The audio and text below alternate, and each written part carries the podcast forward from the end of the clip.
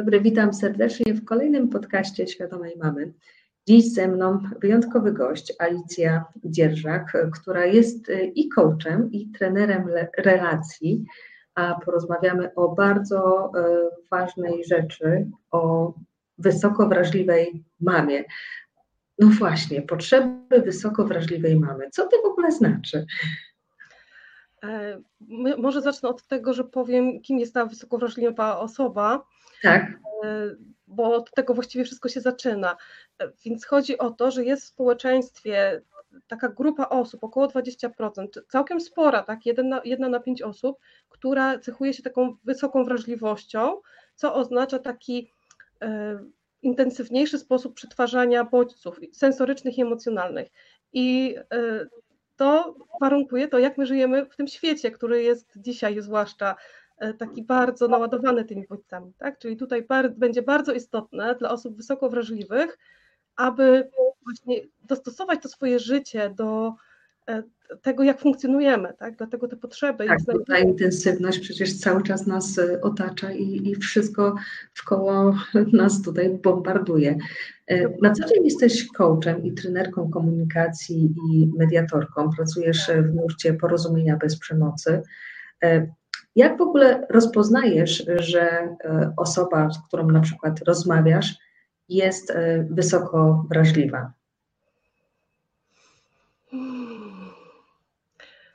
To, to jest w ogóle coś takiego, że przychodzą do mnie często te klientki wysoko wrażliwe, więc one już jakby jakoś ze mną rezonują. E, więc e, już mam zawsze takie podejrzenie, że skoro do mnie przyszła, to pewnie jest osobą wysoko wrażliwą i to tak jest tak no, w większości.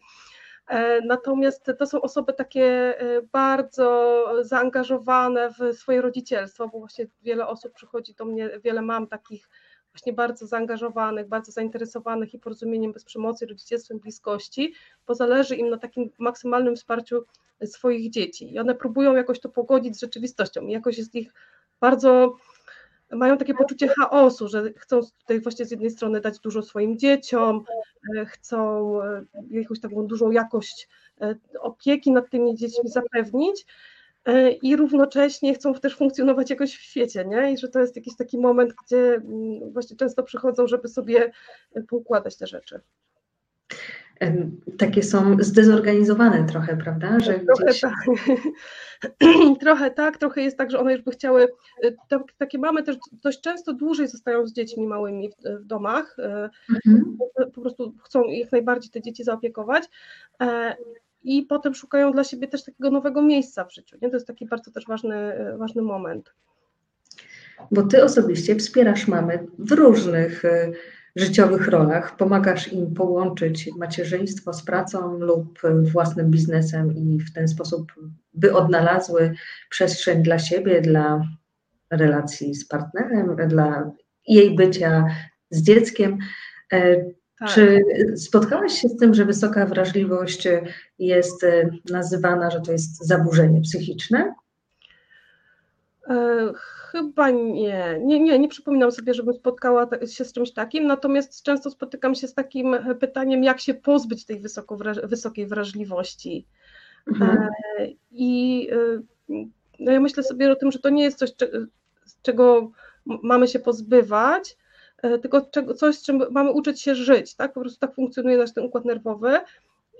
I, trudno z tym walczyć. Tak? Można sobie wesprzeć się w jakichś e, terapiach takich dotyczących e, integracji sensorycznej na przykład, tak? gdzie jeżeli mamy właśnie dużą wrażliwość słuchową czy dotykową, możemy się tutaj wesprzeć jakąś terapią, natomiast to nie jest zaburzenie psychiczne.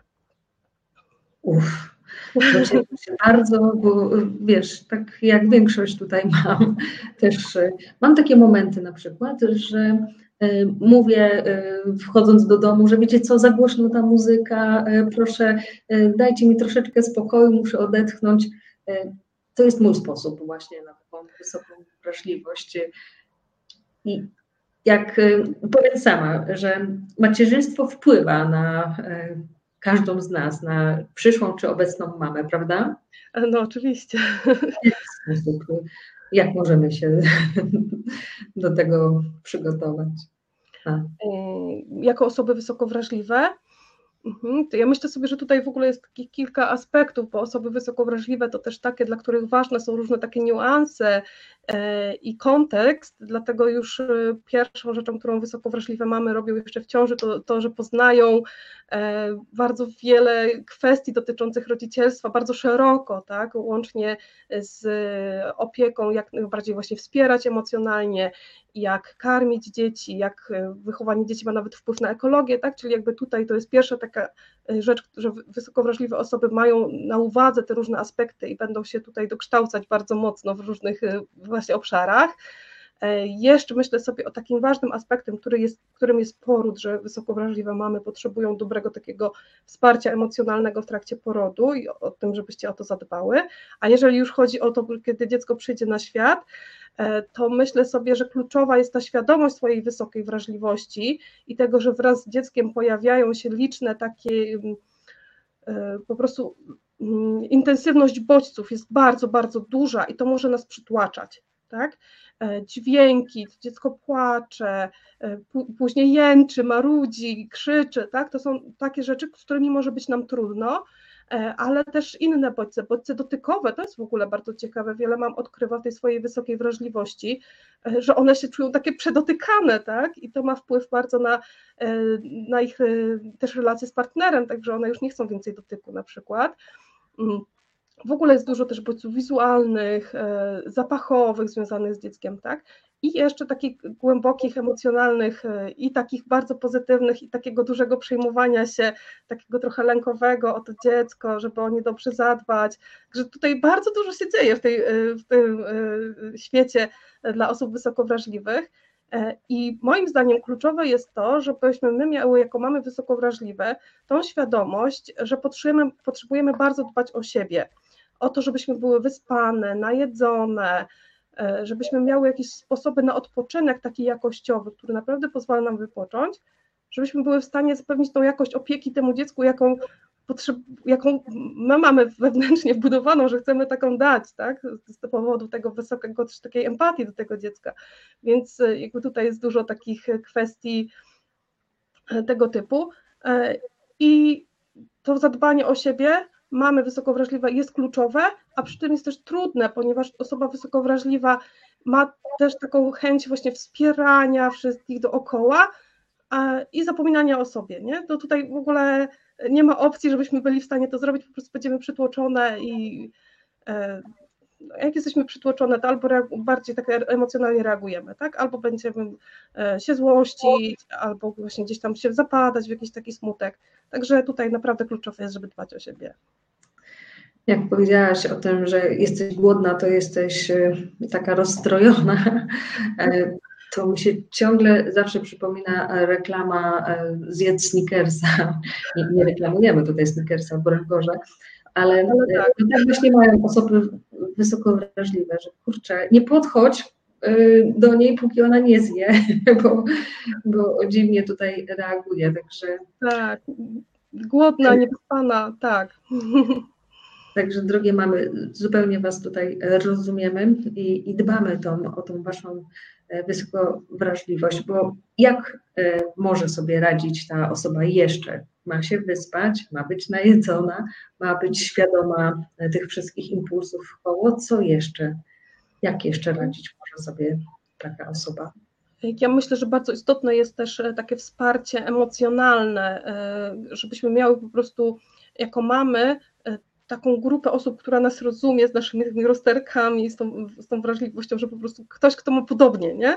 E, zwłaszcza jeżeli nasze środowisko e, ma inaczej, to my potrzebujemy szukać tych osób, które e, mają podobne po prostu doświadczenie, też z dziećmi wysoko wrażliwymi, bo to czasami tak bywa, że po prostu te osoby wysoko wrażliwe mają potem wysoko wrażliwe dzieci, tak? Więc jakby to też jest ważne, nie? Żeby, żeby też mieć, żeby mieć właśnie takie, takie wsparcie taki właśnie jakościowy wypoczynek jest bardzo istotny. Mm, co jeszcze? Już o wielu rzeczach tak naprawdę wspomniałyśmy. Mm, o, taki, o takim spokoju, relaksie. Myślę, że to jest, to jest chyba takie najważniejsze, nie? żeby mieć ten czas wyciszenia, uspokojenia się, e, ciszy. Mhm.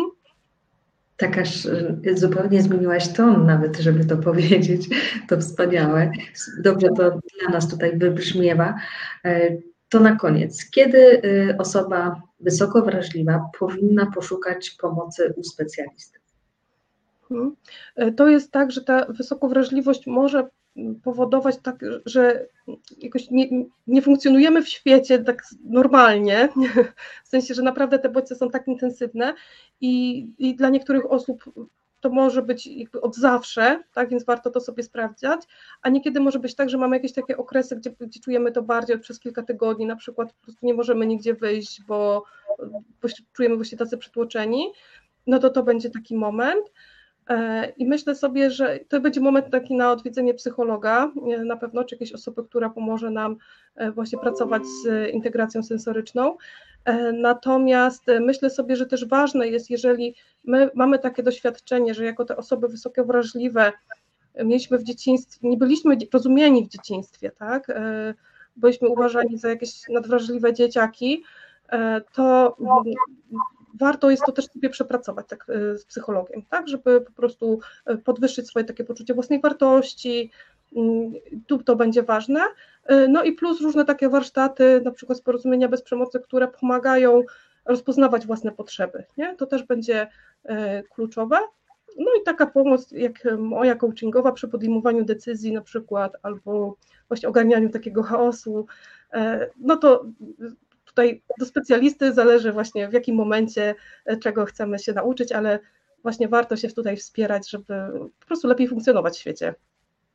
No właśnie, ja, ja też potwierdzę, że z Tobą e, można przejść przez burze związane z, z kolejnymi etapami, czy rozwoju dziecka, czy zachowaniami e, dziecka, bo e, wspierasz nas właśnie w trudnych i, I w momentach, w trudnych sytuacjach i w momentach, kiedy nie mamy pomysłu, co tam dalej zrobić, jak tak. przejść przez najróżniejsze tutaj etapy e, i pozostać w dobrym kontakcie z dzieckiem. Także Alicja Dziewczak, coach i trener relacji, bardzo, bardzo dziękuję za to spotkanie.